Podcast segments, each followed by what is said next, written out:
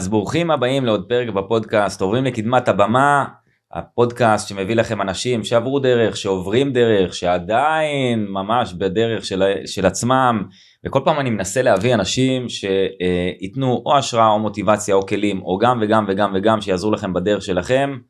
והפעם יש לי את הכבוד הגדול אה, להיות פה עם תומר שטרן, תומר שטרן אנחנו בבית שלך, במשרדים שלך. אתה מארח אותי באירוח שלי, כן. בדיוק. וזהו אז מאמר מוסגר הנה אני כל פעם אה, או הרבה מהפרקים הקלטתי כבר פה באולפנים של ווידו אה, ותומר הוא המנכ"ל והבעלים של חברת ווידו חברה שעוזרת לאנשים להפיק פודקאסטים לארגונים לחברות לבעלי עסקים וקודם כל הוא חבר יקר והוא בן אדם שבמאמר מוסגר שוב פעם עשינו שיתוף שיתוף פעולה ארוך גילוי של, נאות אה, זהו כן. גילוי נאות אה, והיה לנו איזשהו מיזם שעשינו כנסים גדולים ביחד אז, אז ממש נכנסת לי ללב. אה, המיזם התחיל עם אבא שלך עם ערן שטרן וככה נכנסתם אתה וניר אח שלך לחברה ואני בשבילי זה היה משב רוח מרענן אני חייב להגיד זהו ואני מת עליך אחי מה נשמע? לגמרי. איזה כיף אחי איזה כבוד להיות פה שמע זה שאני ככה יש לי את הכבוד להיות מוזמן אליך לפודקאסט הזה בשבילי זה איזשהו צ'ק. אז אה, תשמע קודם כל באמת אני חושב שזה לא מובן מאליו שאתה ב front כרגע.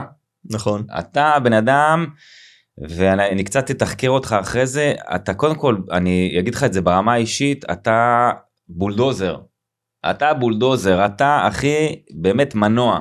אמ, שאני רק רוצה להגיד למי שצופה או למי שמאזין, אתה בן 23, אתה באמת, עם כל הכבוד, ילד אחי, אתה ילד. יש לך עוד טיפת חלב. עוד טיפת חלב, אבל uh, אני חושב שדווקא בגלל הדבר הזה, היה לי מאוד חשוב להביא אותך לפודקאסט. אני חושב שזה מאוד חשוב לראות אנשים, uh, אתה יודע, יושבים פה אנשים, מאזינים עכשיו, אם זה בפקקים, אם זה בדרכים, אם זה בספונג'ה או בספורט. או, או צופים בסרטון הזה, בפרק הזה, ואומרים, וואלה, בגיל 23 אפשר להתחיל לעשות עסקים. אתה פתחת עסק לבד עם אח שלך, אתם אה, באמת, יש לכם עובדים, כאילו אתם התחייבתם, אתם לוקחים ליווי, אתם משקיעים, לקחתם משרדים, אחי, מאיפה הביצים? מאיפה הביצים, באמת? אה, שמע, זו שאלה יפה.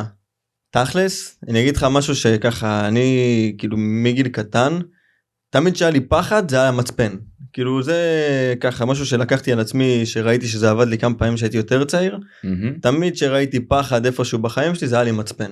זאת אומרת אמרת אם אתה מפחד תעשה זה אומר שזה השלב הבא זה כאילו אחד ה, מה שנקרא העקרונות בסיס שלי בחיים. שמע זה זה מדהים ואני יכול להגיד לך שנגיד גם אצלנו ב...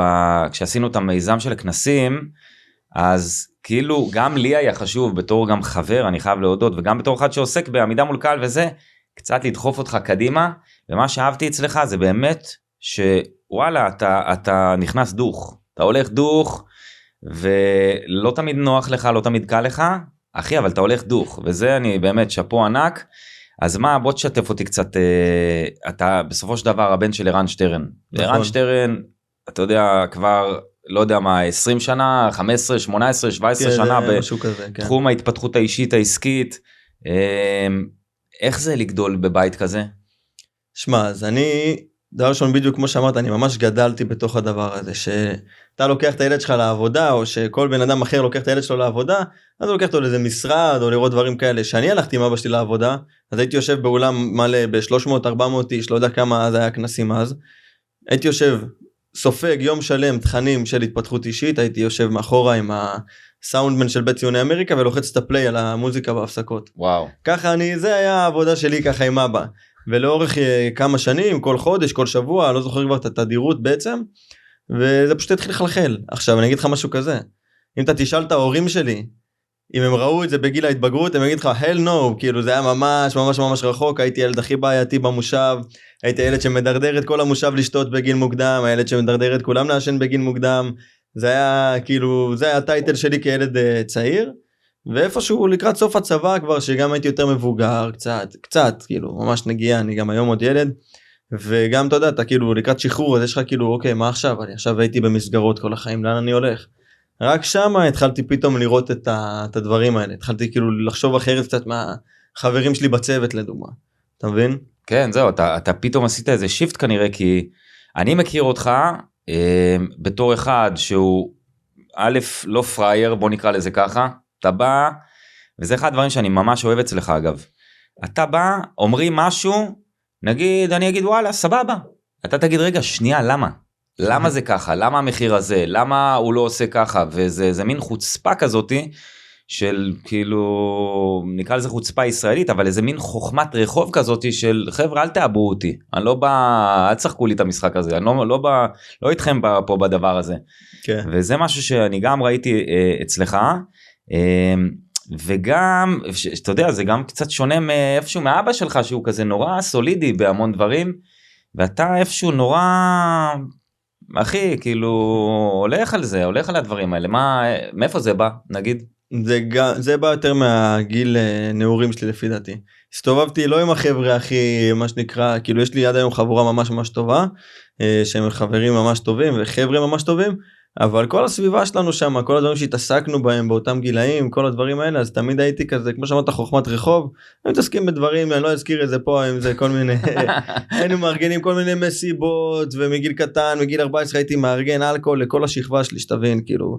הייתי אבא שלי תפס אותי גם זה סיפור מצחיק כאילו הוא חזר ראינו ליד היה ל"ג בעומר אני הייתי עם המוכר מכולת במושב שלנו בעצם ישבנו דיברנו על עגלת סופר מלאה בקבוקים כאילו קיצור היית סוחר כבר הייתי מאז. משהו כזה כן מנהל. משהו כזה לכל השכבה וכאילו אתה מבין תמיד הייתי כאילו נק- נקלע לסיטואציות לא אתה יודע שאתה צריך בהם קצת מעבר לא יודע איך להסביר זה פשוט היה פשוט הייתי נדבק לבלגן הזה אז היית מנהל אמנם זה הלך כאילו למקומות לא פח- טובים פחות, כן פחות טובים אבל לא בסופו טובים. של דבר ה- ה- ה- העקרונות ניהול הם עקרונות ניהול והפושריות והבולדוזריות גם הגיעו כבר משם זה מדהים ואני גם הכרתי אותך שאתה מש- משקיע כבר בדירות בארצות הברית נכון? כן. מה תספר על זה איזה מילה? אז אה, שמע ברמת העיקרון אתה יודע אנחנו צעירים ואתה יודע ככה עם ה... למדתי הרבה מאוד שמעתי מלא פודקאסטים קראתי מלא לא בעצם קראתי קצת אבל שמעתי בעיקר הרבה פודקאסטים גם על התנהלות חכמה וכל הדברים האלה והבנתי שעכשיו אני צריך כבר להתחיל לזוז מבחינת השקעות. אה, וזה לא שבאתי עם איזה הון עצמי לא משהו שהוא מעבר לכל חייל ממוצע. באיזה גיל זה כאילו נפל לך העניין הזה של של אה, השקעות? בסוף הצבא סוף הצבא ממש ככה. וואו. בסוף הצבא אני כאילו פתחתי עם עוד שתי חברים עסק כביכול של אה, מסחר אינטרנטי e-commerce בעצם. שאנחנו אז אה, איזה הזמנו סחורות מאמזון מכרנו אותם באי-ביי ואז בהמשך גם פתחנו אתרים שלנו ולקחנו סחורות וקנינו אותם עד היום יש לי סחורות ששוכבות בסין וואו. והיינו שולחים אותם לכל העולם ועושים כל הדבר הזה. אה, ומתוך הדבר הזה כאילו ככה כבר התחלתי להבין את כל העולם של ההשקעות קצת יותר את כל העניין של המסחר וכל הדברים האלה. וב-2021 אני חושב שמתי לי מטרה אני רוצה דירה להשקעה עד סוף 22. עכשיו כששמתי את המטרה זה היה כאילו הדבר הכי רחוק בעולם זה כאילו שמתי שלוש מטרות וזה היה המטרה שכאילו הכי רחוקה להתגשם. וואלה. אתה מבין זה היה מטרה שכאילו אין לך מושג איך ואז בזמנו היה לי עוד חבר שבסוף שגם השקעתי איתו גם הוא בעצם ישבנו והתחלנו לחפש והתחלנו לבדוק אה, לקרוא ויש לי עד היום סיכומים של מה זה אישור עקרוני למשכנתה וכל הדברים האלה וחיפשנו דירות בבאר שבע ובדימונה וזה היה הכיוון בכלל. אה, וככה זה היה בתחילת ינואר ואנחנו מגיעים לאיזה יולי בשנה כלום לא התקדם עם זה שום דבר לא קרה. ופתאום אה, נפלה לנו איזו הזדמנות ללכת לכנס של נדל"ן בארצות הברית של פרויקט איקס. אמרנו יאללה נלך מגניב וכאילו בקטע של יאללה נשכיר דירה בתל אביב יומיים שלוש נלך נעשה יום יומיים כיף כזה נלך נספוג קצת אה, ידע ודברים כאלה ועל הדרך נהנה. ואבא שלך מעורב בזה או שאתה לבד עושה את זה? אבא שלי לא- נתן לי את ההפניה על הכרטיס. זאת אומרת אוקיי. אמר לי תשמע יש כנס נראה לי מגניב שתלך. אמרתי לו אה אוקיי יאללה אני שמה. אני שמה כאילו. זה כזה מהמם. והלכנו ובאמת אה, ככה פתאום נפתחה את ההזדמנות נפתחה ההזדמנות הזאת ואמרנו יאללה. אנחנו ככה בחרנו את האופציות אמרנו אוקיי אנחנו נכנסים לזה ביחד עושים את זה ביחד ויאללה מגניב אנחנו הולכים על זה. וככה מתקדמים החודשים מתקדם גם התוכנית שלהם וכאילו מגיעים לאיזשהו אה, איזה מקום אני הייתי גם בסיני איזה חודש כמעט. אה, בין לבין. אתה- לא, כן. אה, אפשר לעשות את הפרק הזה בסיני אחי נראה לי זה היה כן, לגמרי. וזה כאילו לקחתי אחורה וחזרתי בסיני באוקטובר ואמרתי רגע עוד חודשיים סוף שנה ולא עשיתי כלום מהמטרות שלי כמעט. וואו. ויאללה. עושים את זה כאילו עכשיו אין למה לחכות. כן. וזהו וקנו את הדירה הראשונה ואז אה, אחרי חצי שנה קנינו עוד דירה. לקחתם משכנתה, לקחתם הלוואה, עשיתם את זה לבד, עשינו, עצמי, עשינו, עשינו, את זה, עשינו את זה במימון אה, לא משכנתה לקחנו מימון אה, מהארץ בעצם שבעצם העברנו את הכסף לחו"ל וככה השקענו. בדרך עשיתי עוד כמה מהלכים של מינוף כי אני צעיר אז אין לי בעיה לעשות את זה וגם הסתכלתי על המספרים והתייעצתי עם כל מיני גורמים אה, אחרים הבנתי שכאילו אמנם היום זה קצת יותר מסוכן ופחות יציב אבל זה לטווח רחוק אז אני לא דואג. אז לקחתי עוד איזה משהו של מינוף וגם פתחתי עם הכסף הזה קרנות אה, אה, בסכומים מאוד גבוהים יחסית. אתה מבין אז גם מעבר לדירה אז יש לי גם אה, קרנות אה, לא השתלמות אה, קופות גמל וקופות חיסכון בכל מיני גופים כאלה ואחרים על כל דירה יש קופה.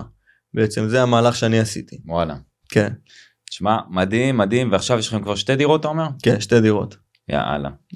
אני רק אומר לעצמי, אני בן 47, למי שעוד לא יודע, ואני נכנסתי לעולמות האלה של נקרא לזה התפתחות האישית, פחות או יותר בגיל אה, 30-35, משהו כזה. אם רק הייתי מגיע לזה לפני, וואו, כאילו איזה כיף לך, ממש, אני ממש אה, כאילו, בא לי להריץ את הגלגל לאחור ולהתחיל משמה. זה לא יקרה כנראה, זה בפודקאסט, הפודקאסט הבא שלי. עוד מעט ממציאים לך מכונת זמן. לגמרי. אז אה, תשמע, יש לך ראש של יזם, באמת, זה אחד הדברים שאני יכול אה, להגיד עליך, אה, וגם ראש של מנהיג אפילו. אתה תמיד מנהיג את החבורה, בדרך שלך, דרך מיוחדת. מה, בוא תספר לי קצת על פודקאסטים. אתה היום, יש לך חברה, אנחנו פה באולפן שלך, ואתה יודע, אני מסתכל על זה מהצד, אני אומר, וואו, איזה יופי. אה, למה פודקאסטים, איך הגעת לזה, מה מעניין לך בזה, זה במקרה יצא, דרך הכנסים, כזה, אני מנסה לחשוב כאילו את ההתגלגלות. איך התגלגלנו לשם בעצם.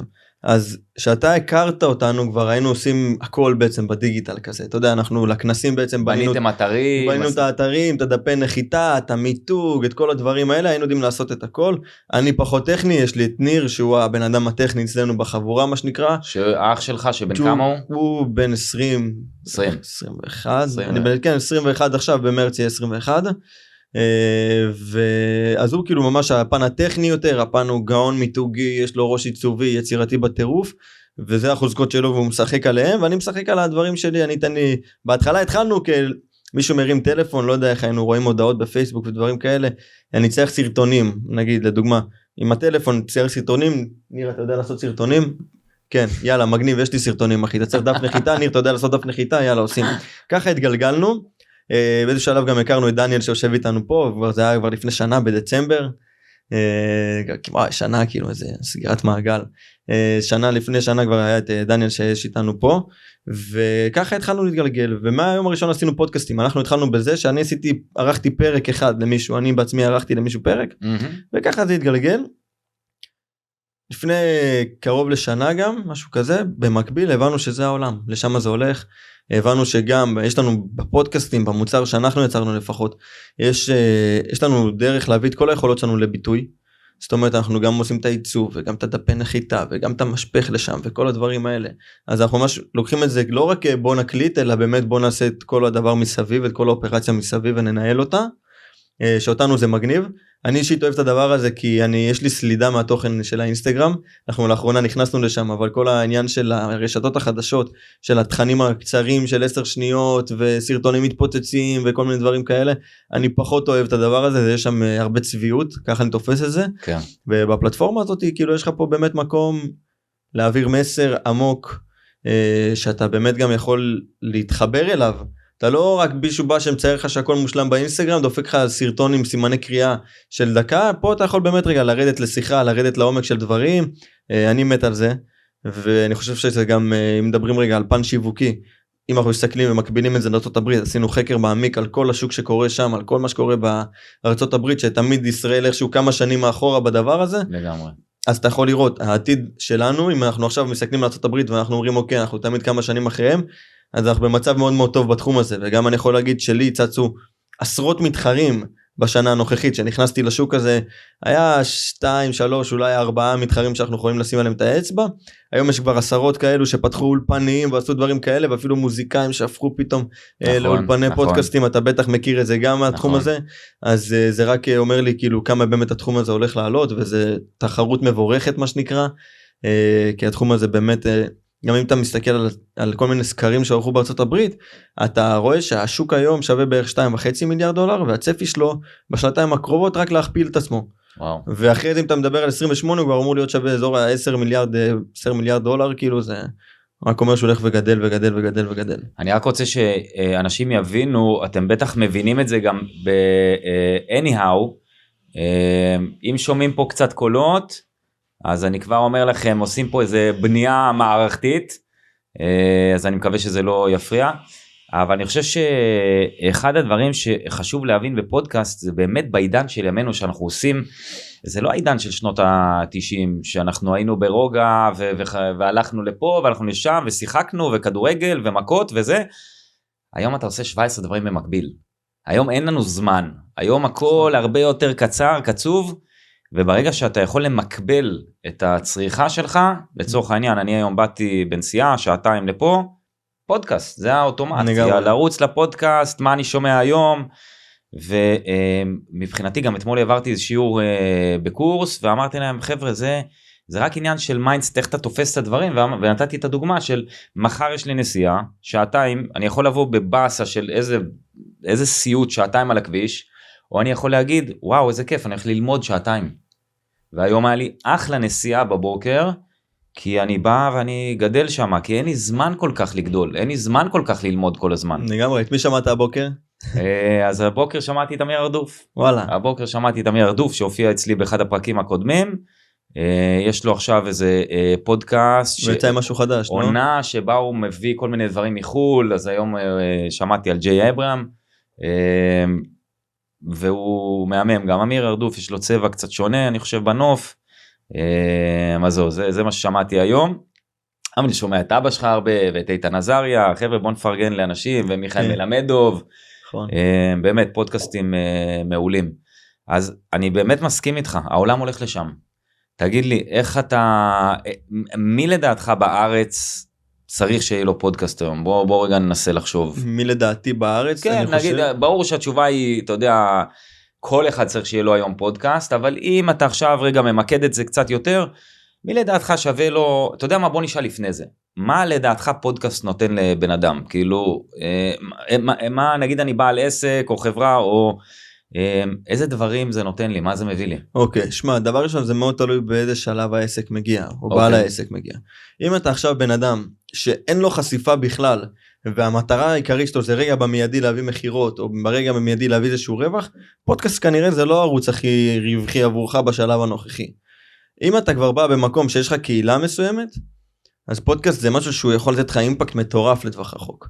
אוקיי? כי אתה בעצם לוקח את הקהילה הקיימת, יש לך קהל של לא יודע אם זה רשימת תפוצה שקוראים את המייל שלך או עוקבים באינסטגרם או בפייסבוק שכבר מכירים אותך פה ושם עוד פעם מביסים קטנים שהמדיה הנוכחית מספקת.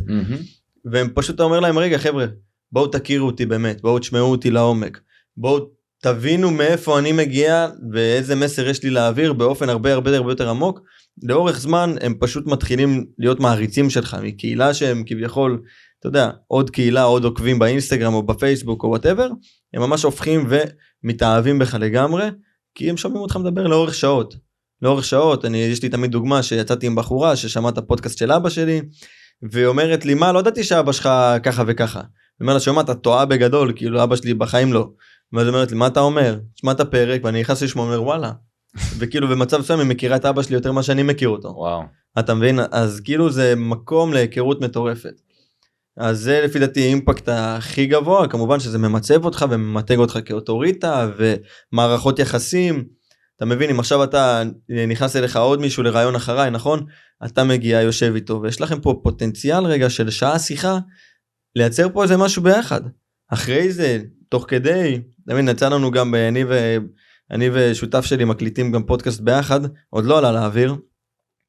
ותוך כדי, אחד מההקלטות הראשונות שלנו, מישהי אמרה לנו, יאללה בואו נביא משקיע נעשה עסקה כזאת. אמרתי לה תגידי כאילו ב live אתה מבין? זה יוצא כאילו זה יוצא ככה כי אנחנו בסוף אנשים. אם יש חיבור תוך כדי הריאיון זה גם איזשהו פורמט אה, מטורף ל networking וקשרים. זה באמת אחד הדברים הכי טובים שראיתי היום. אז אה, אם אני רגע מסכם את זה קצת אז קודם כל זה העניין של באמת להכיר להכיר אותך לעומק. כן. אם יש לך קהילה אז אנשים אולי היו בקורס שלך או בסדנה שלך או באיזה בוקר שלך או באיזה או אם אתה איזה חברה אז הם אולי צורכים את המוצרים שלכם קצת השירותים שלכם אבל לא באמת מכירים ולא באמת מתחברים. מי שמכיר את הסרטון של סיימון סינק אה, של ה-why, how ו-what הם לא יודעים את הלמה שלך הם לא יודעים למה אתה עושה את מה שאתה עושה והפודקאסט זה איזשהו מקור להיכרות הרבה יותר עמוקה כי אתם נגיד עכשיו אתם מי שגם מאזין וצופה בפודקאסט שלי נגיד אני באמת יודע שהוא כבר מכיר אותי ממש לעומק כי פה אני זורק איזה סיפור קטן על עצמי פה איזה סיפור קטן פה איזה זווית נוספת וזה באמת הופך לאיזה שהוא קשר הרבה יותר עמוק זה אחד ואז אתה מתחבר לבן אדם ואתה הופך להיות סוג של גרופי שלו כי אה, אתה, אתה כי עולים דברים אישיים פתאום ו, נכון. ויש דברים שכאילו אתה אומר וואו איזה בן אדם לא הכרתי לא ראיתי את הזווית הזאתי אז זה אחד הדבר השני זה באמת העניין של המיתוג והמיצוב. נכון. כי זה הופך אותך לאוטוריטה בתחומך והיום זה מי שאין לו פודקאסט כאילו אני מסתכל עליו ואני אומר רבאק מה מה מה קורה זה לא אפילו כמו לכתוב ספר אני יש לי חלום לכתוב ספר אבא שלך כתב כמה ספרים אני מת להוציא ספר. תתמלל את הפרקים שלך בפודקאסט. אז א' יכול להיות אבל יש לי איזה שוב אפשר אפשר לעשות הכל אבל יש לי איזה חלום לעשות איזה אה, ספר מסוים אז זה אומר המון שעות וזה אומר לקחת תחום שאני לא כל כך מבין בו ועכשיו להתחיל לכתוב ו- ואם זה לא יוצא טוב אז זה יכול להיות שנתיים עבודה שלוש שנים עבודה. בכיף כן. אמ, ואז זה אולי זה לא יוצא טוב אז אתה עורך מחזיר לך ואומר לך אני, אני זה זה וואחד פרויקט. שמע יש לזה גם קיצורי דרך יש שם מלא כותבי. צללים וכאלה יש. אבל אם אתה רוצה לעשות את זה באמת ברמה טובה זה כן זה חצי אז יש יש הרבה דרכים אבל עדיין לכתוב ספר זה להמון אנשים יהיה פרויקט בוא נגיד ככה. ברור. לקחת שני מיקרופונים, בסדר? ואני יכול להגיד לכם שאני פתחתי את הפודקאסט שלי בזום, רוב הפרקים הוקלטו בזום, חבר'ה אני רוצה שאנשים יבינו את זה. לגמרי. אני אמרתי לעצמי, בגלל שזה לא הכנסה ישירה כמו שאמרת, אלא משהו שהוא יותר לטווח ארוך, אמרתי אני לא משקיע בדבר הזה. אני עושה אותו ומוציא מינימום, אה, משקיע מינימום השקעה כדי שזה יתחיל למצב אותי ונראה לאן אני מתגלגל עם זה. וכבר הקלטתי מעל אה, כמעט 60 פרקים שרובם בזום עם מיקרופון אחד שקניתי ב-300 שקלים וגם זה היה אחרי פרק 20 נראה לי. שכבר אמרת יאללה אני כבר מתמיד בזה אז נשקיע. לגמרי בהתחלה זה היה עם אוזניות אוזניות של הטלפון שלי. כן. ממש ככה. אז לא השקעתי בכלום רק תוכנת עריכה קטנה ומסכנה וזהו וזה נורא פשוט וזה נורא קל וזה ממצב אותך וממתג אותך בתחומך כמומחה. אז מי שלא נמצא שם בעיניי אח שלי איפה אתה? תתעורר. באמת להתעורר. זה אה, דבר נוסף. הדבר שלישי אמרנו זה כל הנושא של אה, ליצור יחסים. עכשיו אני, אני יכול בסוף הפרק לשבת איתך פתאום לקבוע איזה פגישה פתאום לעשות איזה שיתוף פעולה. עכשיו אני רוצה שאנשים יבינו שאתה אם אתה רוצה ליצור קשרים בתחום שלך אתה יכול הפודקאסט נותן לך אופציה להרים טלפון לכל בן אדם היום נכון. לשלוח וואטסאפ לכל בן אדם. זה פותח דלתות מטורף. כן כי אנשים רוצים לבוא להתראיין בגדול. כן, אתה גם פותח את המערכת יחסים ממקום אחר תחשוב שאם עכשיו היית לדוגמה אני ואתה לא מכירים ואתה נגיד הייתי בן אדם חשוב וזה שאני לא לא זמין מה שנקרא לא כזה נגיש. והיית בא אומר לי תומר בוא לקפה ואני כמו שאמרתי לא נגיש אני כנראה אגיד לך עזוב מה הוא רוצה ממני מה הוא מה הוא מחפש טובות מה הוא מחפש עזרה פה. אבל זה שאתה בא ואתה אומר בוא רגע גבר בוא בוא לפודקאסט שלי אני רוצה לתת לך במה. אז אתה במקום לבוא ממעמד, ממעמד של טייקר אתה בא ממעמד של גיבר בתחילת מערכת היחסים. מדהים. אתה פותח את המערכת יחסים בצורה קצת אחרת. אחלה אחלה הבחנה ובדיוק אתמול העליתי אה, הוצאתי אימייל לרשימת התפוצה שלי על כמה פעמים אנחנו עובדים בחינם ונותנים את הזמן שלנו בחינם עבור אנשים אחרים שהם טייקרים שבאים לקחת מאיתנו ואנחנו לא רוצים די חלאס אנחנו אומרים כאילו יש איזה גבול אתה רוצה להיות uh, קצת לא נגיש לפעמים כי uh, אנשים ינצלו את הדבר הזה נכון. וכשיש לך פודקאסט יש לך את היכולת להביא את מי שאתה מוכן לשלם לו כסף ולבוא לסדנאות שלו ולליוויים שלו בהמון כסף לפעמים והוא יבוא בחינם לפודקאסט ואתה יכול לשאול אותו מלא שאלות. נכון. ולקבל מלא תובנות וליצור קשרים ואני יכול להגיד לכם ואמרתי את זה גם לפי דעתי בפרקים אחרים שישבתי אחרי פרקים אה, לפגישות לפגישות עבודה עם אותו בן אדם שהזמנתי גם ואמרתי לו בוא גם ניפגש וגם נעשה כבר פרק על הדרך. אז זה בעניין הזה ואני אגיד עוד דבר אחד נוסף מי שרוצה להיות בקדמת הבמה, אני חושב שזאת אחת הדרכים היותר קלות להיכנס לקדמת הבמה. אני עושה פודקאסט אמנם מצולם, אתה לא חייב רוב האנשים גם ככה לוקחים את זה ומאזינים נכון. לזה בספוטיפיי או באפל אה, פודקאסט או משהו כזה לכן אני חושב שזה דרך מעולה להביע את היצירות, היצירתיות שלך לצאת החוצה לקדמת הבמה אבל זה לא מאיים מדי אה, ואתה גם נראה לי אבל מה שאהבתי גם אצלך זה שברגע שהבנת שאתה צריך לעבור לקדמת הבמה התחלת לעשות וובינארים. כן. שזה דבר איך איך זה היה מה תספר קצת על החוויה מה, חוויית של להתחיל לעשות וובינר? כן, תשמע, וובינר מכירה, לבוא, כן. ל- ל- אתה יודע, זה עמידה מול קהל שלך בין הראשונות ב- בחיים, כן. ואתה עושה את זה במעמד מכירה מול עשרות אנשים, זה לא קל. אז הוובינר הראשון שאני העברתי היה ל-50 איש שהיו על השידור, השני היה ל-350 איש, וואו. זה היה איתך בכנס, אתה זוכר, השני זה היה 350 איש, ומאז היו עוד כבר אה, לא יודע כמה עשרות, כאילו לא זוכר בדיוק. אה, היום אתה מעביר את חלקם גם לבד, או שאתה... עם לבד, כי אני. יודע שעם אבא שלך עשית כן, קצת. הייתי, היינו עושה, הייתי עושה ביחד עם אבא שלי, באמת זה היה חלק גדול. כאילו מה שאני אתן לך את החוויה שלי אם אני אסכם אותה אוקיי. בהתחלה פחד פיק, פיק ברכיים בחמש דקות עשר דקות הראשונות ומזל באמת שהיה לידי מישהו מנוסה. אוקיי תוך כדי השידור כבר נפתח אמצע שידור כבר לוקח לאבא שלי כאילו את כל הזכות דיבור מה שנקרא משתלט. בסוף כבר משוחרר לגמרי ו- ויוצא מזה עם תחושה של הנאה מטורפת כאילו. אתה מבין וזה כאילו חזר על עצמו גם התהליך הזה כל וובינר מחדש עד שבאמת כבר עכשיו אני כבר יותר עולה בביטחון יותר מההתחלה וגם היום כל תחילה של לעלות מול קהל זה עדיין מפחיד. כאילו אני מאמין לא יודע אני מאמין שחבר'ה שכבר יותר מנוסים שרצים על זה כמה שנים אז באמת עושים את זה כבר אה, אהלן אהלן אבל אה, עבורי זה עדיין כל החמש דקות הראשונות הם עדיין מעמד מלחיץ. מדהים, מדהים, מדהים. אני, אני חייב לפרגן לאבא שלך רגע. כי אבא שלך מה שטוב בו בין היתר זה המקום של לא משנה כמה מנוסה הוא וכמה זמן הוא בתעשייה ועושה את הדברים האלה, אין לו אגו של לבוא לקחת. נכון. הוא, הוא מאפשר המון המון במה וכמו שאמרת אתה פתאום מוצא את עצמך ב... זהו אתה יכול לצאת. עברתי את הרגע הראשון, עברתי את ההתרגשות. ואני חייב לפרגן לאבא שלך כי אני עשיתי אה, ביחד איתכם את הכנסים במשך כמעט שנתיים אני חושב ואם אבא שלך היה בן אדם עם יותר אגו נגיד לצורך העניין יכול להיות שהיה לנו קשה וברגע שהוא אפשר לי המון המון במה שם והוא הוא לקח רק את מה שהוא באמת היה צריך מבחינתו וזה נתן הרבה במה גם לי זה היה זה פשוט נותן המון מקום להתפתחות. כן. קרקע פוריה. לגמרי והוא סוג של אתה יודע במקרה שלך גם זורק אותך קצת למים כאילו ולא כי הוא רוצה אפילו כי זה זאת האישיות שלו. כן. אה, ואתה יש לך אישיות של יותר לקחת את ה... אתה יודע את המושכות מה שנקרא ולידריות כזאתי אז אה, אז לקחת את זה. גם לא הייתה לך ברירה בוא נודה על האמת. כן. אז אה, מגניב. אז אוקיי אז אמרנו הבנו מה זה אה, למה זה בעצם חשוב הפודקאסט. אז מי לדעתך צריך שיהיה לו פודקאסט?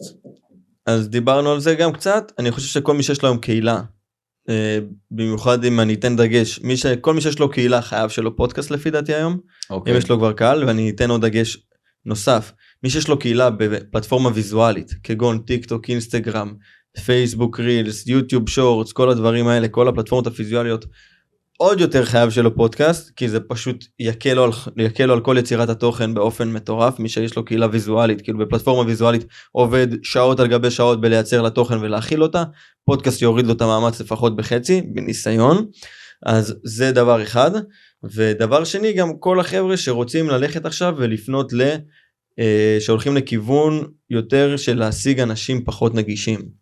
בין בוא ניקח לדוגמה ארגונים למיניהם אוקיי או מנכ"לים בכירים למיניהם מהמם. או כל מיני דברים כאלה שזה אסטרטגיה שנייה של מעבר רגע אני לא מעניין אותי כל כך המאזינים אלא יותר מעניין אותי המרואיינים מדהים אתה מבין שאנחנו רוצים ללכת לכיוון המרואיינים יותר ששמה מה שאמרנו מקודם זה פותח הדלתות באופן מטורף.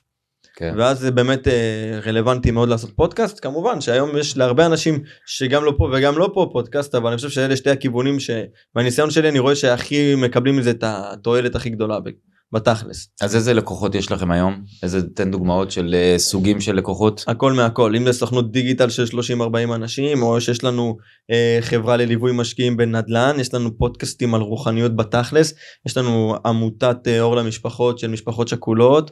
אה, וואלה. כן יש מגוון יש לנו עמותה מטורפת של אה, קוראים לה לוקחים אחריות ברשת שהם בעצם לוקחים את כל הקהל החרדי והם באמת שורפים את כל המדינה בהרצאות מטורפות שהם לוקחים את העניין הזה של המסכים בקהל החרדי הקהל היותר דתי ואיך זה משפיע שם והם עושים שם חינוך שוק מטורף מה אתה אומר? כן אז כאילו זה ממש אה, נוגע במלא מלא מלא רבדים. אתה יודע הרבה מהתחום של ההתפתחות האישית והביזנס היום תחום מאוד מדובר. אה, אתה יודע זה מתאים להרבה הרבה הרבה סוגים כל ידע כל עסק שמבוסס על ידע ומומחיות יכול לבוא ולתת את זה. שאפו. אגב גם uh, יש פודקאסטים של דורקס ודברים כאלה אתה מבין זה גם כאלה שמבוססים על מוצר. הכל תלוי בזווית שאתה מדבר עליה. מדהים, מדהים, מדהים. טוב, אז שורה תחתונה, אם אני מבין נכון, אז באמת פודקאסט מתאים אה, לכל האנשים מהקהילות, ולאנשים שיש להם מומחיות. שורה תחתונה, אמרת גם על הנושא של אה, דורקס אפילו, שאפשר להביא זוויות שונות וכל מיני דברים כאלה. אה, מדהים. בקיצור, מי שעדיין אין לו פודקאסט, שיפנה או אליי או אל תומר, מישהו יעזור לו כבר, אבל, אה, אבל חבל שלא, ובאמת כל הכבוד לך על ה... על ה... כאילו על ה... אתה, אתה חושב נורא בגדול, הראש היזמי שלך עובד. עכשיו, בגדול, שנינו יודעים את זה, פודקאסט זה כסף לטווח ארוך, זאת אומרת זה נכון. מיתוג, זה מיצוב, כשיש לך פודקאסט טוב אנשים ו- ו- ו- וזה עובד אז אנשים יפנו אליך, אתה תעלה אולי מחירים גם, אבל יש גם פודקאסט אחד שהביא לכם כסף די ישיר, אתה יכול לספר את המקרה הזה? אני חייב להודות שאני, מי שמכיר ועוקב אחרי הפודקאסט שלי, יודע שאני לא, אני, אני בדרך כלל לא יודע שום דבר על המרואיין, כמעט שום דבר, בוא נגיד ככה, אני כן. לא אוהב לדעת, כי אני, אני לא רוצה אה, להכיר, אני רוצה להפוך אבנים תוך כדי ב, אה, בעצם פה ב, ב live, אבל במקרה שלך אני יודע קצת, אז מה, מה זה הפודקאסט הזה שעזר לכם אה, בעצם, או שעזר למישהו למנף ולהביא כסף? יש? לנו פודקאסט בעצם של אה, מתווך אחד שעוסק בנדל"ן. מהמם. אני לא אחשוף את שמו ואת הפרטים המדויקים אבל הוא עובד באזור מאוד מאוד מצומצם. אוקיי ארבעה מושבים בארץ. קהל יעד של 20 אלף איש בערך מקצה לקצה כזה מהמם. והוא עשה תשע פרקים סגר ארבעה עסקאות מתוך הדבר הזה. וואו. עכשיו ארבע עסקאות של נדל"ן זה כמעט רבע מיליון שקל אם אתם מקבילים את זה רגע לעמלת מתווך של 2% במיוחד אם הוא לקח גם מוכר וקונה. על מה, על מה הוא עושה את הפודקאסט? על מה... אז זהו כל מתווך על מה היה עושה את הפודקאסט. מה תחום המומחיות של אותו מתווך. בגדול אה, בתים, מה צריך, איך מוכרים, איך... אה, זה כל יותר בכיוון. הנדל"ן אז מה שעשינו אצלו לדוגמה אז אמרנו אוקיי. יש לך תחרות לא קטנה מי שעוקב אחרי פודקאסטים בתחום הנדל"ן יודע שיש יחסית הרבה תחרות זה נושא חם אוקיי. במיוחד היום שעלו מחירי הדיור אז זה בכלל מדובר מהמם. אז אמרנו פה אתה תיבלע ושם גם מתוך ה-20 אלף איש האלה שגרים בקהל יעד שלך האלה שיעניין אותם נדל"ן והאלה שיבחרו בך ולשמוע אותך מתוך זה אתה תאבד כאילו אתה פספסת פה לגמרי את הקהל יעד כן. אז מה שעשינו שם בעצם לקחנו אותו ודיברנו פודקאסט קהילתי. הלכנו ודיברנו על הקהילה עצמה של אותה, של אותה מו- מועצה בעצם שהוא עובד בה. וואו. ואז הבאנו את אה, ראש המועצה ואת הסגנית שלו ואת המורה מהבית ספר ואת המנהלת בית ספר ואיזה בחור שהופיע שם במאקו וכל הדברים האלה וככה בעצם הוא יצר שם קשרים תדמית מאוד מאוד טובה שאתם מרואיינים מתוך הדבר הזה. אמרו לו "Hmm, בוא נקנה איתך את הבית. וואו. כזה ואחרי זה גם שהוא התחיל ללכת בבתים ולהסתובב ולהמשיך את העבודה היומיומית שלו אמרו לו אה אנחנו מכירים אותך אתה ראיינת את המורה של הילדה שלנו אתה ראיינת את זאתי וזה וכאילו יצר לעצמו תדמית בתוך קהל יד מאוד מאוד מצומצם איזה. אז זה הזווית שמה וככה הוא סגר עסקאות הכניס מזה כסף הביתה יש גם פודקאסטים אגב תדע לך שמה שאני אוהב נגיד ב... לעבוד עם חברות קצת יותר גדולות ועסקים קצת יותר גדולים זה כשיש לך מעמד אה, לא מעמד מערך מכירות אוקיי שיש לך מערך מכירות שהוא מסוסתם טוב הוא יושב על CRM והוא יושב באמת על אה, אנשי מכירות אה, ועל סיבות קנייה ושהם יודעים מאיפה הלידים מגיעים אתה יכול למדוד את ה-ROI של הפודקאסט. זאת אומרת שאם אני יודע עכשיו שיש לי איש מכירות שאחד השאלות שלו זה איך הגעת אלינו או שאפילו יש לו UTMים ורפים לכל הדברים האלה אז- חבר'ה, אחרי זה אני אסביר בפרק נוסף על כל הסינית שתומר זורק פה. כאילו זה כאילו בין בגדול זה כאילו לדעת איך לצבוע את הליד מאיפה הוא הגיע.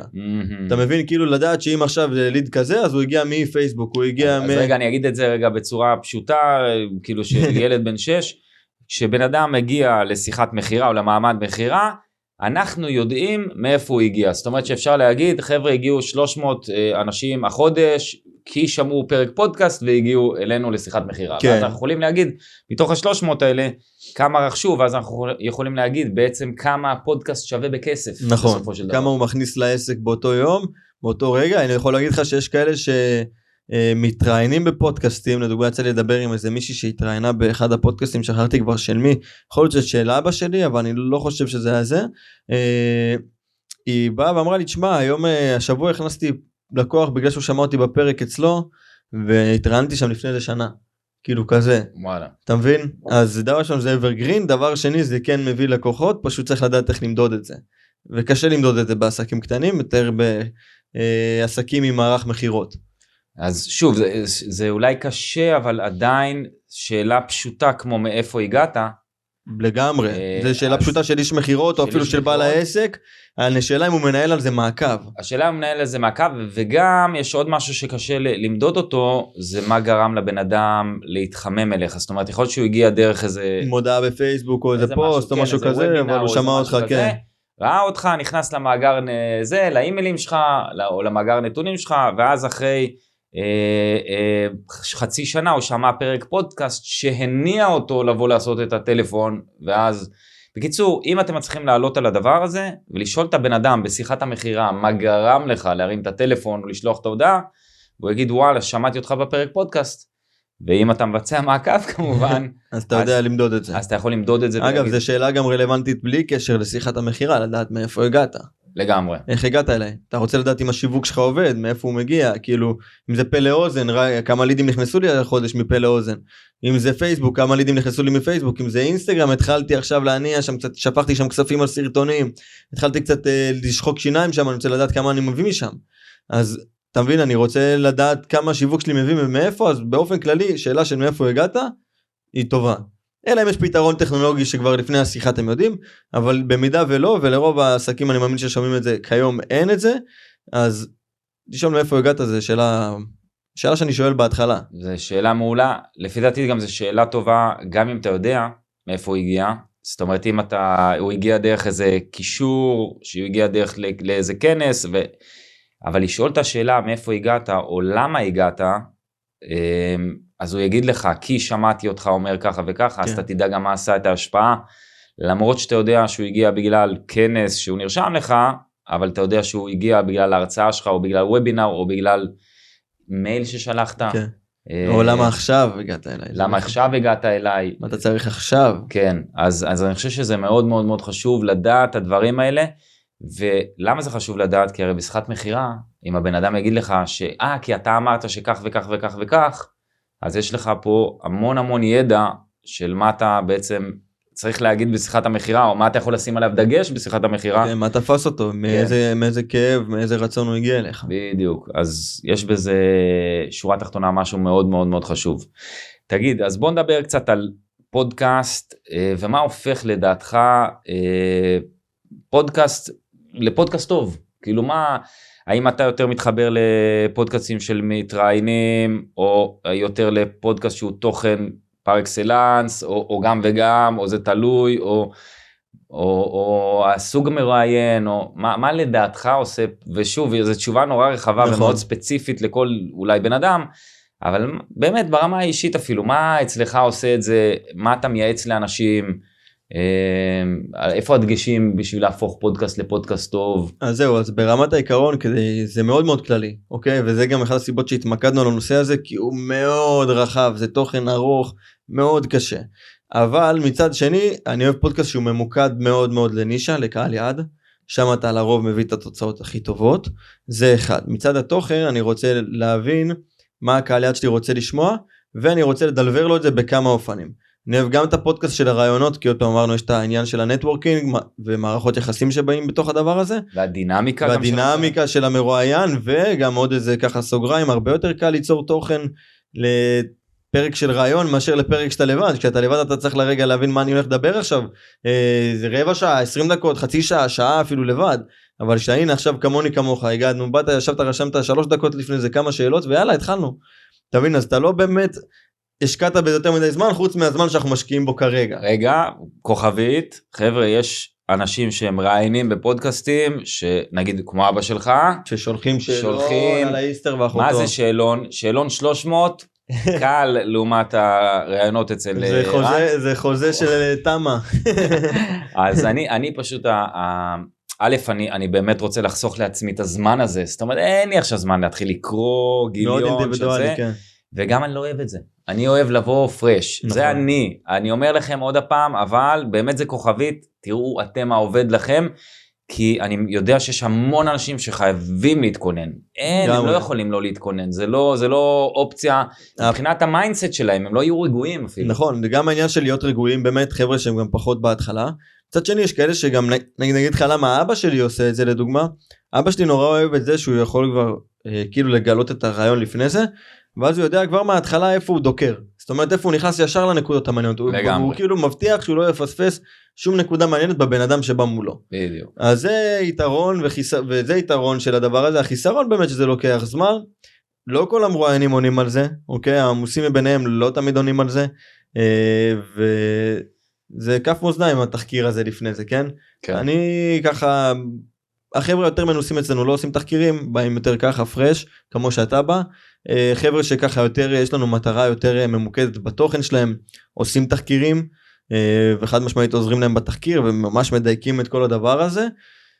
אין פה אמת אחת, זה, לא, אג- זה מאוד אגב, אינדיבידואלי. אני, אני נגיד שראיינתי, אם יש לי פרק מקצועי נגיד, או, או משהו שהוא ייחודי כזה, נגיד היה לי את מעיין, שהיא סמנכ"לית של מטא, של מטא ישראל פייסבוק. נכון. אז שם היה חשוב לי לשאול שאלות מאוד מדויקות, ואפילו שלחתי אה, מייל לרשימת התפוצה שלי, איזה שאלות הייתם רוצים לשאול גם אותה. הקבוצת וואטסאפ של המשווקים.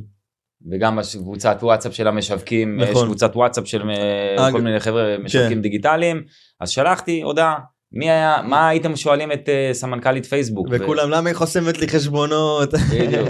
אז, אה, אז, אז אני גם לפעמים עושה את זה, אבל אה, אוקיי, אז, אבל כל אחד שיעשה מה, ש, מה שנראה לו לנכון, אין פה נכון ולא נכון. לגמרי. וגם אגב מה שאתה עשית לדוגמה זה דרך פצצה גם לייצר engagement עם הקהל וגם להביא תוכן מעניין לקהל יעד הרלוונטי שלך אם אתה שואל את הקהל יעד שלך מה אתה רוצה לשמוע אתה תקבל תשובות זהב והוא גם בנה לך על התוכן ויצר לך את התחקיר. וגם הוא כבר מחכה כן, הוא כבר. מעורב כאילו זה ווין ווין ווין זה דרך מטורפת לעשות את זה סקר לקהל יעד אה, זה פצצה. לגמרי, אז, אז רק אני אחדד את זה וישים את זה בצורה מה שנקרא שחור על גבי לבן למי שיש רשימות תפוצה. על כל ראיון שאתה עושה, כל ראיון שאתה עושה, אתה יכול להגיד חבר'ה בעוד שבועיים מתארח אצלי, לא יודע מה, אה, משה זוכמיר, אה, מנכ"ל משה זוכמירית, ומה הייתם רוצים לשאול אותו? עכשיו מה מה שיקרה זה שאנשים ירשמו לך אתה יוצר איזושהי ציפייה כבר לרעיון הזה ואז אתה גם אומר חבר'ה ועכשיו עלה הפרק. אז עכשיו אנשים רצים. עכשיו יש גם חלק פרקים שאני נגיד עשיתי בלייב. נכון. אה, ואז הזמנתי קהל שיושב בזום אמנם אבל אה, אתה מזמין אנשים כבר. ואם אתה שואל אותם איזה שאלות היית רוצה לשאול ואז אתה שולח להם קישור ואומר להם חבר'ה מחרתיים יש את הריאיון הזה בשעה 10 בבוקר תבואו הנה הקישור ואז תשמעו גם את התשובות ב live אז אתה גם יוצר לעצמך קהל של ממש אה, כמו הדרכה כמו סדנה לצורך כן, העניין כן. שעוקב אחריך ונמצא ויכול גם לשאול אותך שאלות אם זה בזום ויכול לשאול אותך שאלות ב live גם את נכון. אותו מרואיין גם את זה עשיתי אפילו. אה, אוקיי אז אמרנו אה, רעיונות יכול, יכולים להיות מעניינים אה, אמרנו גם חומר שאתה יכול כן. להביא חומר שאתה מביא אבל אתה צריך אז זהו חומר שאתה מביא אני מתייחס אליו בשתי צורות כזה יש לנו את החומר היותר עמוק שזה עכשיו אני הולך אה, מה שנקרא לרדת לעומק שעה פרק לבד זה קשה. יש כאלה שעושים את זה מעולה מי שעושה זה, את זה זה לא כזה קשה בהכרח אני לא חייב אבל להגיד לך כן אבל זה קשה ברמה של אם אתה רוצה שזה יהיה ממוקד אתה צריך לעבוד שם מבחינת תחקיר. אם אתה רוצה עכשיו לקחת סיפורים מהחיים האישיים שלך שזה פצצה אז זה טוב. אתה מבין זה קל זה פלואו כזה שאתה נכנס אליו ואני רואה פה הרבה חבר'ה שבאים אני אעשה פרק קצר של רבע שעה אה, זה יוצאים אחרי 45 דקות אחרי שעה. כאילו אתה יודע מתוך ריצה כזאת שכבר הם נכנסו לסיפור ונכנסו לפואנטה ודברים כאלה. מה שאני אוהב בפרקים לבד שאתה יכול לעשות אותם קצרים וממוקדים לדוגמה פרקי סולו קצרים אנחנו קוראים לזה אצלנו. ושם אתה יכול להיות מה זה חד וחותך לדוגמה לקחת התנגדות מכירה שאתה מקבל יקר לי. אוקיי בוא נדבר על כל החבר'ה שאומרים לך יקר לי שמגיעים אליך לשירות בוא ניכנס רגע למוח שלהם נפרק את זה. אתה לוקח את הפרק הזה ואתה אחרי זה משתיל להם אותו בתהליך מכירה. זורק להם חצי שעה על יקר לי או 20 דקות על יקר לי והנה התנגדות מכירה מפרק אותה מאלף לתף. למה זה לא הוצאה זה השקעה מה אתה מקבל תחשוב איך אתה הולך להוציא מזה אחר כך וכל הדברים האלה ובעצם אתה לאט לאט מפרק את ההתנגדות מכירה תוך כדי פרק פודקאסט אחרי זה. שאתה כבר בתהליך המכירה נתקלת במישהו כזה שאומר שאתה הולך לכיוון היקר לי או שאתה יודע כבר שזה הולך להיות שמה אתה שולח לו את הפרק. הוא אומר לו אוקיי שמע אני חושב שבפולו-אפ כזה או אחר אתה אומר לו שמע יש פרק שאני חושב שיושב לך בול כאילו שמתאים לך בדיוק מה שאתה צריך לשמוע עכשיו. אגב אני אגיד עוד אה, עוד איזה משהו על פרקי סולו. היה לי לפני איזה שבועיים משהו כזה שבוע אפילו. אני בא להוציא מייל לרשימת התפוצה שלי. על אה, 11 אה, סוגים של אה, שיווק 11 צורות של שיווק מה עובד ומה לא עובד מבחינתי. אה אהבתי את המייל הזה. ואז אמרתי רגע זה מייל ארוך. אמרתי בוא נעשה הדרכה על זה נעשה כאילו סרטון. ואז אמרתי רגע זה סרטון ארוך בוא נעשה מזה פרק פודקאסט. פרק פודקאסט של איזה שעה לפי דעתי או לבד. 40 דקות לבד. כן. עכשיו אני רוצה שתבינו מה יפה בפודקאסט בעניין הזה בניגוד נגיד להדרכה. הדרכה עכשיו הגעת לוובינר או הגעת להדרכה מסוימת לפעמים בתשלום. בן אדם מחפש תוצאה הוא בא בשביל לקבל איזשהו תוכן תוצאתי ועם המון ציפיות הרבה פעמים בסדר? וכשאתה עושה את זה בפרק פודקאסט אנשים מקבלים את זה בחינם. זה כאילו בא ממקור של או, או ממקום של רובין הוד נתינה. נכון.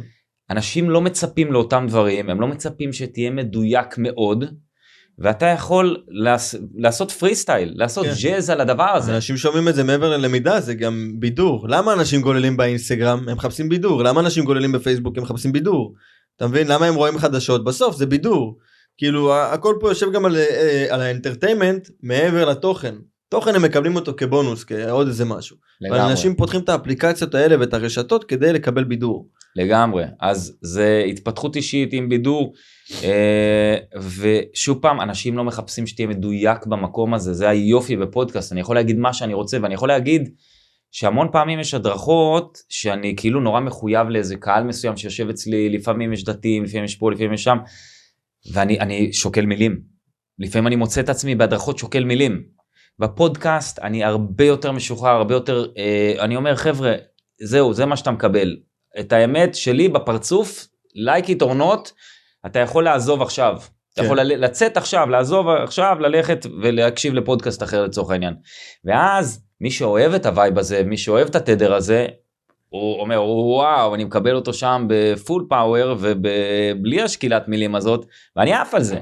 אז שוב זה המקום שלך להיות אותנטי כביכול באמת לגמרי. להיות מי שאתה לגמרי זה, כן. זה בעיניי זה מקור מדהים אז אמרנו אוקיי אז אנחנו צריכים להביא מרואיינים מרואיינים אבל איזה איזה מרואיינים אה, היית כאילו איזה דגשים היית אומר אליהם? למרואיינים? כן כי יש מרואיינים שיכולים וואלה. לקחת אותך לסיפורי אלף לילה ולילה. גם עזוב סיפורים יש מרואיינים שאתה חושב שעל הנייר הם יהיו נורא מעניינים ואתה מגיע והם אוקיי מה מה נדבר? כאילו הבן אדם כן לא כן לא או, או שהוא נורא פלט משהו כן. נורא פלטי בזה מה היית אומר איזה מרואיינים מה אם יש לך איזה שם כן. לא יודע מה אז אני אגיד לך ככה ברמת המרואיין שהוא יבוא והוא יהיה פלט ודברים כאלה זה דברים שיותר קשה לנו לחזות אלא אם אתה מכיר את הבן אדם לפני כן ואז אתה יכול למנוע את הדבר הזה אבל זה משהו שקשה לחזות איך המרואיין עצמו יהיה באותה סיטואציה.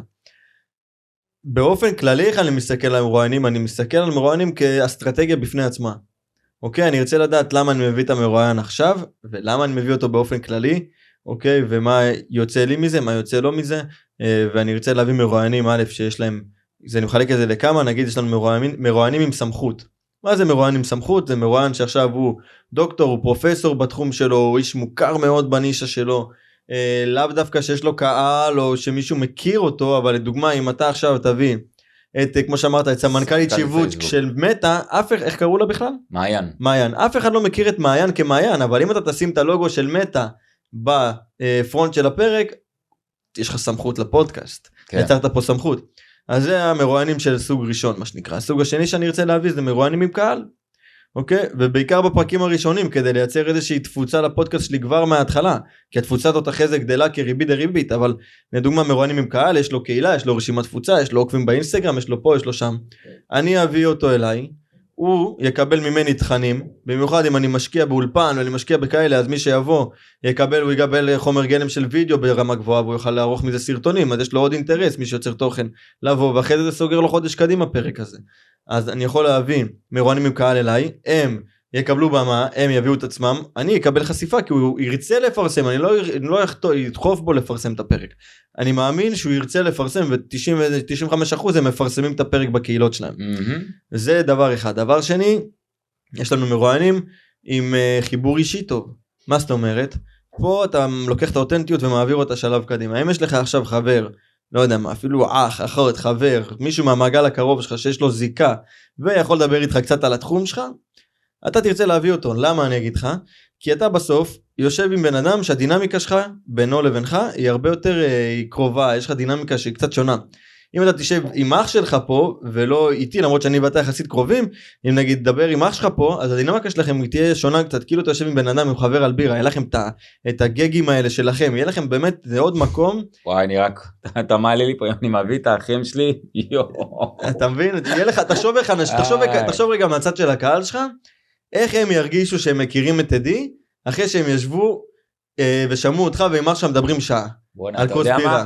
אני אני אני חייב להביא אני, אני לא חייב רגע שנייה אני למה תתחייב בפומבי מה- לא, לא, לא, לא, לא, לא, לא מוכן לזה עדיין, אבל אני מתחיל לחשוב על זה, אולי אני אביא את אחותי, שהיא, וואו, חבל על הזמן, כאילו, ואולי גם את אח שלי, אולי את שניהם ביחד, נראה. זה יכול להיות, תשמע, תחשוב איך, איך הקהל שלך מקבל אותך מתוך הדבר הזה שאתם כאילו אומר וואלה, כאילו יש לו, הוא כאילו הוא צוחק איתם על הדברים האלה עם אחים שלו, איזה קשר מיוחד, איזה, יש פה איזה משהו שהוא מאוד מאוד מאוד מקרב, העניין של החיבור האישי עם המרואיין. כן. אתה מבין? זה גם איזה סוג רעיונות שאנחנו רוצים לעשות, יש גם עוד מלא מלא מלא סוגים ומלא סיבות להביא מרואיינים, אבל זה ככה בגדול. מעניין, מעניין. אני, אתה יודעים מה? אני, אני אנסה להביא את האח תתחייב שלי ואת לאחותך, אחותי ביחד. נו, זה יכול להיות מדהים. אבל אני אחליט אחרי זה אם אני מעלה את הפרק או לא.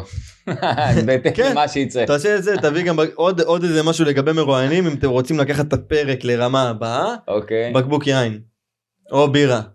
בקבוק יין או בירה במהלך הפרק, כל הווייב של הפרק משתנה קצת. אני רציתי להביא לתומר אבל זה הפסיליטי שלו אז אין פה בקיצור אז אה, אחי זה בשך. לגמרי. אמ, אז אה, ואני אגיד עוד דבר על מרואיינים שעלולים להיות פלטים אפשר ואת זה כן אני עושה אגב אני הולך ומסתכל ביוטיוב על כל מיני מרואיינים שאני חושב להביא.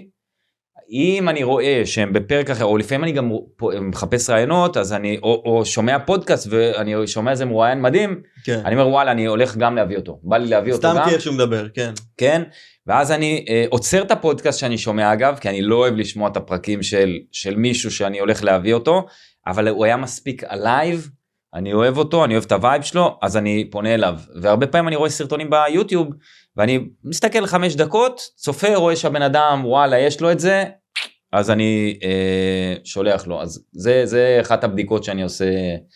אז אמרנו או שזו סמכות כן. נכון? שזה מישהו שהוא מקצועי שהוא ממתג את הפודקאסט שלך כ- כאחד שמביא אנשי סמכות ואנשים איכותיים או, אה, או שזה בן אדם עם קהל נכון. נכון? ואז זה חושף אותך להרבה מאוד אנשים אה, או שזה אה, סוג של חבר אח כן, חיבור ש- אישי חיבור טוב. אישי ויש דינמיקה דינמיקה מעולה, כן. מאוד מאוד מאוד גבוהה מאוד טובה מאוד איכותית וזה גם ממתג אותך ומראה זוויות שונות שלך כן, את הפן האישי שלך יותר. מדהים. עכשיו תגיד לי, איך, אה, איך אנחנו משווקים פודקאסט לפי דעתך? מה, מה אחת הדרכים? אה, כי זאת אחת הבעיות של רוב נכון. הפודקאסטים בארץ. לגמרי. בינינו. לגמרי, יש להם לגמרי. פודקאסט 60 משמעות. כאילו 50 כן. משמעות, 30 משמעות, אז, אז מה עשינו בזה? אז בסוף אתה בא, משקיע, דילמה. שמע, זה דילמה מאוד מאוד קשה. אני אגיד לך, אה, כדי לשווק פודקאסט בצורה טובה, אתה, אתה חייב לה- לחשוב עליו רגע לפני שאתה מתחיל להקליט. ככה אני רואה את זה. כי אם אתה עכשיו אומר, אני לוקח פודקאסט כללי, נושא כללי מאוד, עכשיו להתחיל להילחם בשוק כזה, בנישה כזאת, עם תוכן כזה, יהיה לי נורא נורא קשה. מה אני אומר? לדוגמה, אם אני עכשיו מדבר על הרזייה לנשים אחרי הריון, אוקיי, הקהל נישה, הנישה של הקהל שלי מאוד מצומצמת. קל לי מאוד ללכת ולחדור אליה. מאוד לי- מצומצמת ומאוד ממוקדת. מאוד ממוקדת, כן, ואני יודע בדיוק איך אני הולך להגיע אליהם, אני יודע בדיוק איפה אני יכול למצוא אותם, אם זה בקבוצות פייסבוק, אם זה בכל מיני מועדונים או בעסקים שעושים את הדברים האלה, ואני יודע איך לטרגט אותם גם בשיווק הממומן. אם אנחנו עושים את ה... אם אנחנו מגיעים למקום הזה.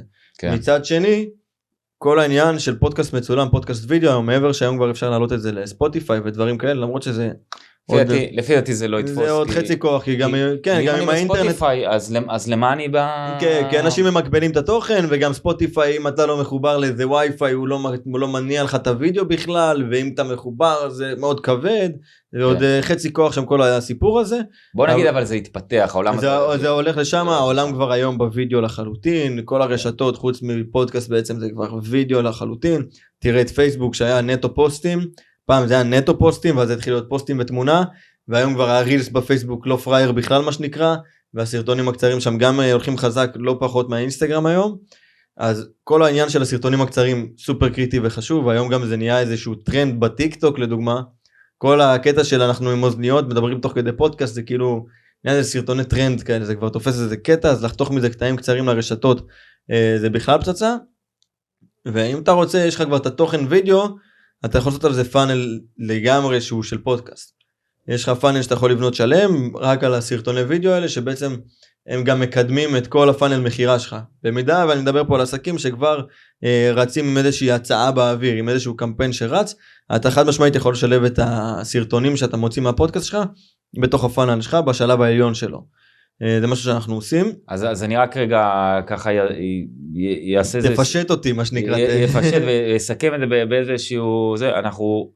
אני רוצה שאנשים יבינו שבאמת אפשר לקחת היום תוכן, ו- וזאת אחת הבעיות של אנשים, איך אני מייצר תוכן לקהל שלי. זו דרך מעולה לייצר תוכן. מה זה. הדרך הכי טובה היום. דרך מדהימה. אנחנו מתייחסים לזה כחומר גלם אחי. אתה לגמרי. עכשיו פה שעה, דניאל קיבל ממני משימה גם התחילת הפרק, לא יודע אם שמעת אותה, דניאל תחתוך לי, תגיד לי קטעים קצרים. תן לי הוראות עריכה, אנחנו נסיים את הפרק הזה, אני אקבל הוראות עריכה, שולח לאורחים שלי, אני יוצא מזה רילסים, בשבילי, עבורי. ואז... אתה מבין? הנה חודש שלם עכשיו רילסים בזה רק מהשעה שאני ואתה יושבים פה. מדהים. אז אני רוצה? שאנשים יבינו את זה. הם שואלים תמיד איך המומחים, יש להם כל כך הרבה תוכן, כל כך הרבה זמן, איך יש לך זמן? אז הם פשוט לוקחים, ואגב, אמיר ארדוף, אמיר ארדוף מעלה הדרכות שלו. נכון? הוא, לא, הוא עושה הדרכות לקהל, זה בתשלום, כמה שאני יודע לפחות, לפי דעתי ממועדון הלקוחות שלו.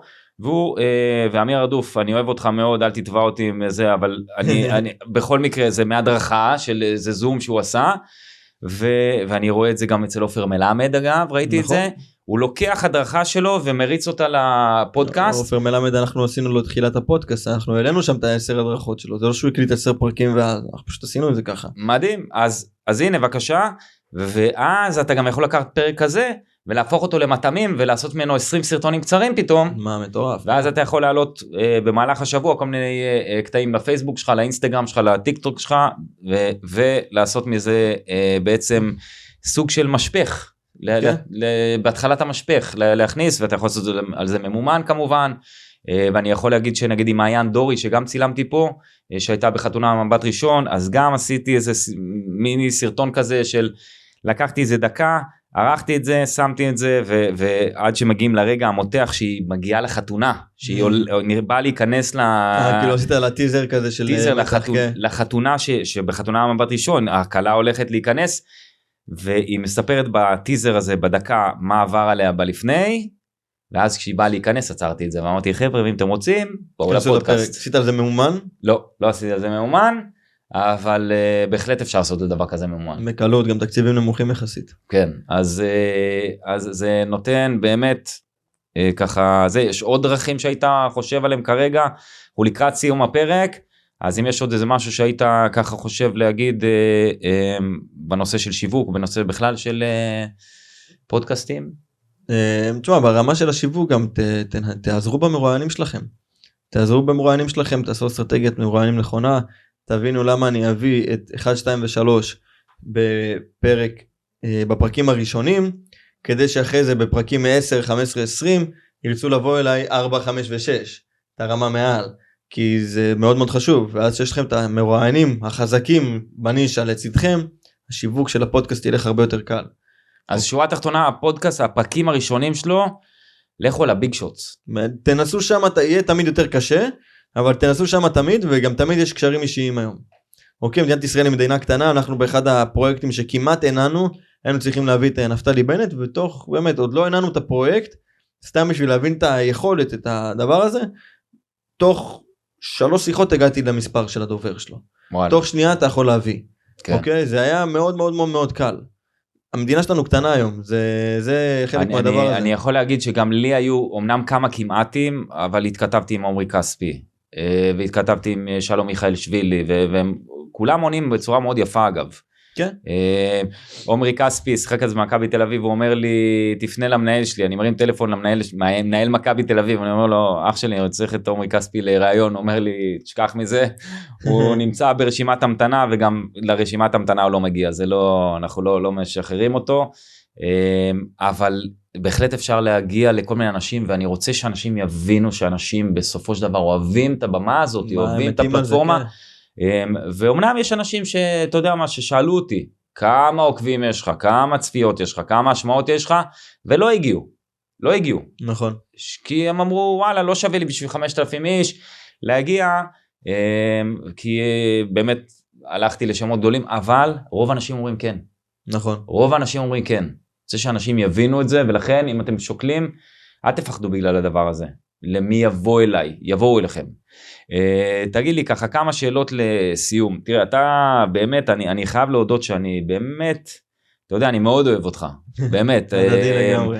ואני אני באמת מתפעל מהיכולת שלך בגיל כל כך צעיר לעשות כזאת אה, אתה יודע לעוף לעוף על עצמך באמת לחיות איזשהו סוג של חלום אתה לא מפחד לטעות אתה תטעה בדרך אני טועה כל אה, יום. ואתה טועה כל יום לפני איחרתי לך כמעט לפגישה כי היה לי שיחה עם ניר על זה שאנחנו שטעיתי כל יום שאני טועה כל יום. אז? אז אתה טועה אבל אתה עושה אה, תגיד לי מה יש לך כבר איזה חלום גדול או שאתה עדיין חי כרגע את מה שיש ובוא נראה מה ימים י- אתה יגידו. אומר כאילו מה החזון. אם יש? איזה משהו שוב פעם לא בטוח אני אני בגיל שלך אחי מעבר כן. ל- לקום ו- ולא יודע מה לחשוב על הארוחה הבאה ש- שאני בדרום אמריקה. ועל איזה מסיבה אני הולך לא לא עשיתי עוד הרבה דברים אז בשלב הזה. אז אני אגיד לך באמת כרגע אם אני מסתכל שנייה יש לי כמה טווחים כאלו ואחרים אז בטווח של השנה באמת אה, שנת 23 שעכשיו מתחילה בעצם אה, בטווח של השנה זה באמת אה, להגדיל ולייצב את העסק עוד יותר מעבר למה שהוא היום. אה, זה אחד המטרות העל שלי ותוך כדי גם בשנה הזאת אה, אני גם הולך לטוס וזה אחד מהדברים שככה אני קיבלתי והיה לי נורא קשה לשחרר אני הייתי בחו"ל אמנם אה, לפני הצבא ועשיתי טיול וראיתי את המזרח וראיתי עולם בחיי לא מעט אבל אחרי הצבא ובנוכחות של היום ובבן אדם שנהפכתי להיות היום עוד לא חוויתי זה מהעיניים של תומר היום. אז זה משהו שככה מאוד מאוד ככה מה טיול ארוך כזה? לאו דווקא ארוך אבל אני כן מתכנן לעשות את החודש חודש וחצי כפול פעמיים שלוש השנה וואלה. כאילו זה ה vision הכללי. אתה מבין כדי זה ובצד השני גם אני רוצה לראות פה בארץ איך הדברים זזים במקביל.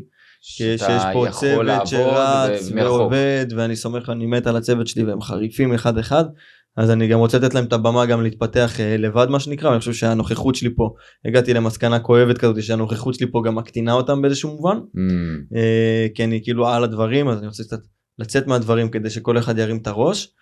אה, זה אחד בטווח הקרוב בטווח הרחוק אני יוצר לי פלטפורמה עכשיו גם של קשרים גם של יכולות אני יכול לשווק היום כל מה שבא לי כל מוצר כל חברה מהגדולות שאנחנו מדברים איתם היום ממש עם ארגונים שכולם מכירים.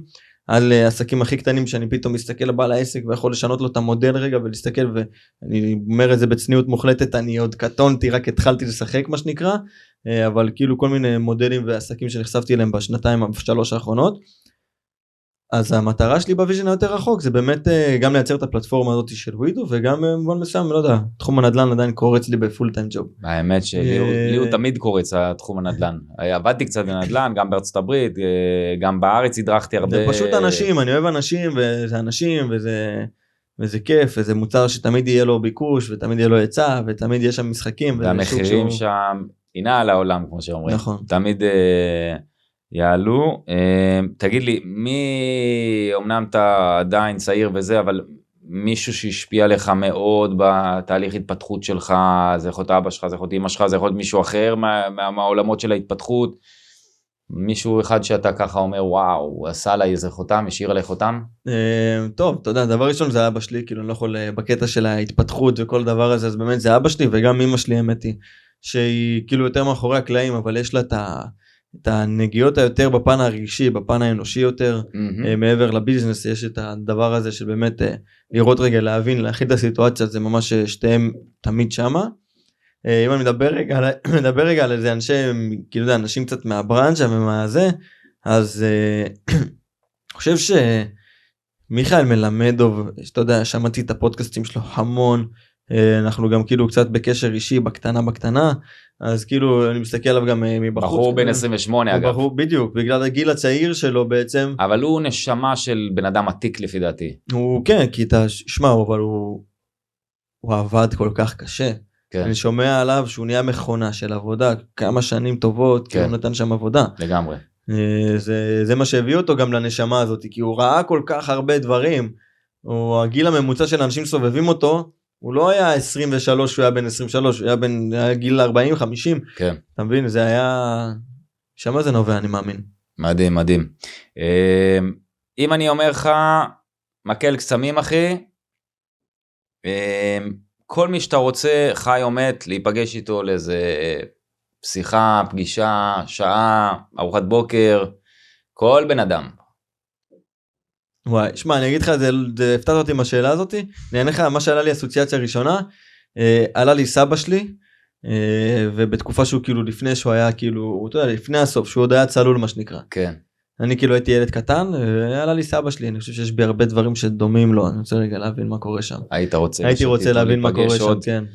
אה, מעולה טוב תשמע אני נהניתי מאוד נהניתי מאוד להתארח אצלך פה ולארח אותך בפודקאסט שלי אה, הצנוע. אה, אני שוב פעם אגיד לך את זה שאפו ענק אני באמת חושב שאתה ולא סתם הבאתי אותך ל- ל- לפודקאסט אני רוצה שאנשים יבינו שאין את המגבלות אתה לא מבוגר מדי אתה לא צעיר מדי. לפני שהתחלנו את הפרק דיברנו על שתי חבר'ה בני 16. טוב, כאילו אחת מהם עובדת אצלי ועוד אחד גם, וכאילו אחת העובדות שלו מנהלת לך את ה... מנהל את המשרד. מנהלת המשרד בחורה בת 16 אני בגיל 16 אני אני מנסה לחשוב איפה הייתי ומה עשיתי. זה לא היה במיינדסט של בוא נטרוף את העולם ובוא כן, כן, אני נתפתח. חושב, שמע, בסוף אתה יודע, זה הכל תלוי בלאן אתה מכוון להיות.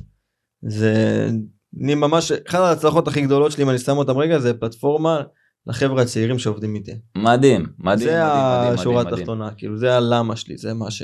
בקיצור זה לא מאוחר מדי זה לא מוקדם מדי. אה, אני למדתי NLP אצל גל צחי כשהוא היה בן 24-25 לפי דעתי ואמרתי מי זה הילד הזה? יכול ללמד אותי. באתי לשם אמרתי וואו כמה ידע כמה יכולות. הסרתי את הכובע פשוט ללכת לעשות. אז אחרי שראיתם את תומר אין לכם תירוצים. זהו אין לכם תירוצים. פשוט ללכת ולעשות היה לי חשוב לעשות את הפרק הזה. בגלל הדבר הזה אני חושב שזה ייתן המון השראה לאנשים וגם בגלל הידע כמובן על הפודקאסטים אה, שמי שרוצה ללכת לעשות אז שילך לעשות אני רוצה להגיד לך מה זה תודה אחי תודה לך, אני אחי. באמת באמת אוהב אותך אתה איש יקר ואני אתה יודע אנחנו מתכתבים ו- ומדברים הרבה ומקווה שיצא לנו עוד לעבוד הרבה ביחד אמן, אמן. אה, who knows אה, זהו אז היה לנו כיף להתארח פה באולפני ווידו. אה, חבר'ה אני רוצה להגיד לכם תודה רבה ששמעתם או אה, צפיתם בעוד פרק ותרשמו לנו בתגובות מה אתם לוקחים מהפרק אה, אם לא עשיתם subscribe אז אתם יכולים אם אתם אה, בספוטיפיי או ב Apple Podcast אפשר לדרג גם אם אתם ביוטיוב תעשו subscribe ואז תוכלו לשמוע עוד ולקבל עוד תוכן אז אה, זהו אנחנו נתראה בפרק הבא. ביי חברים.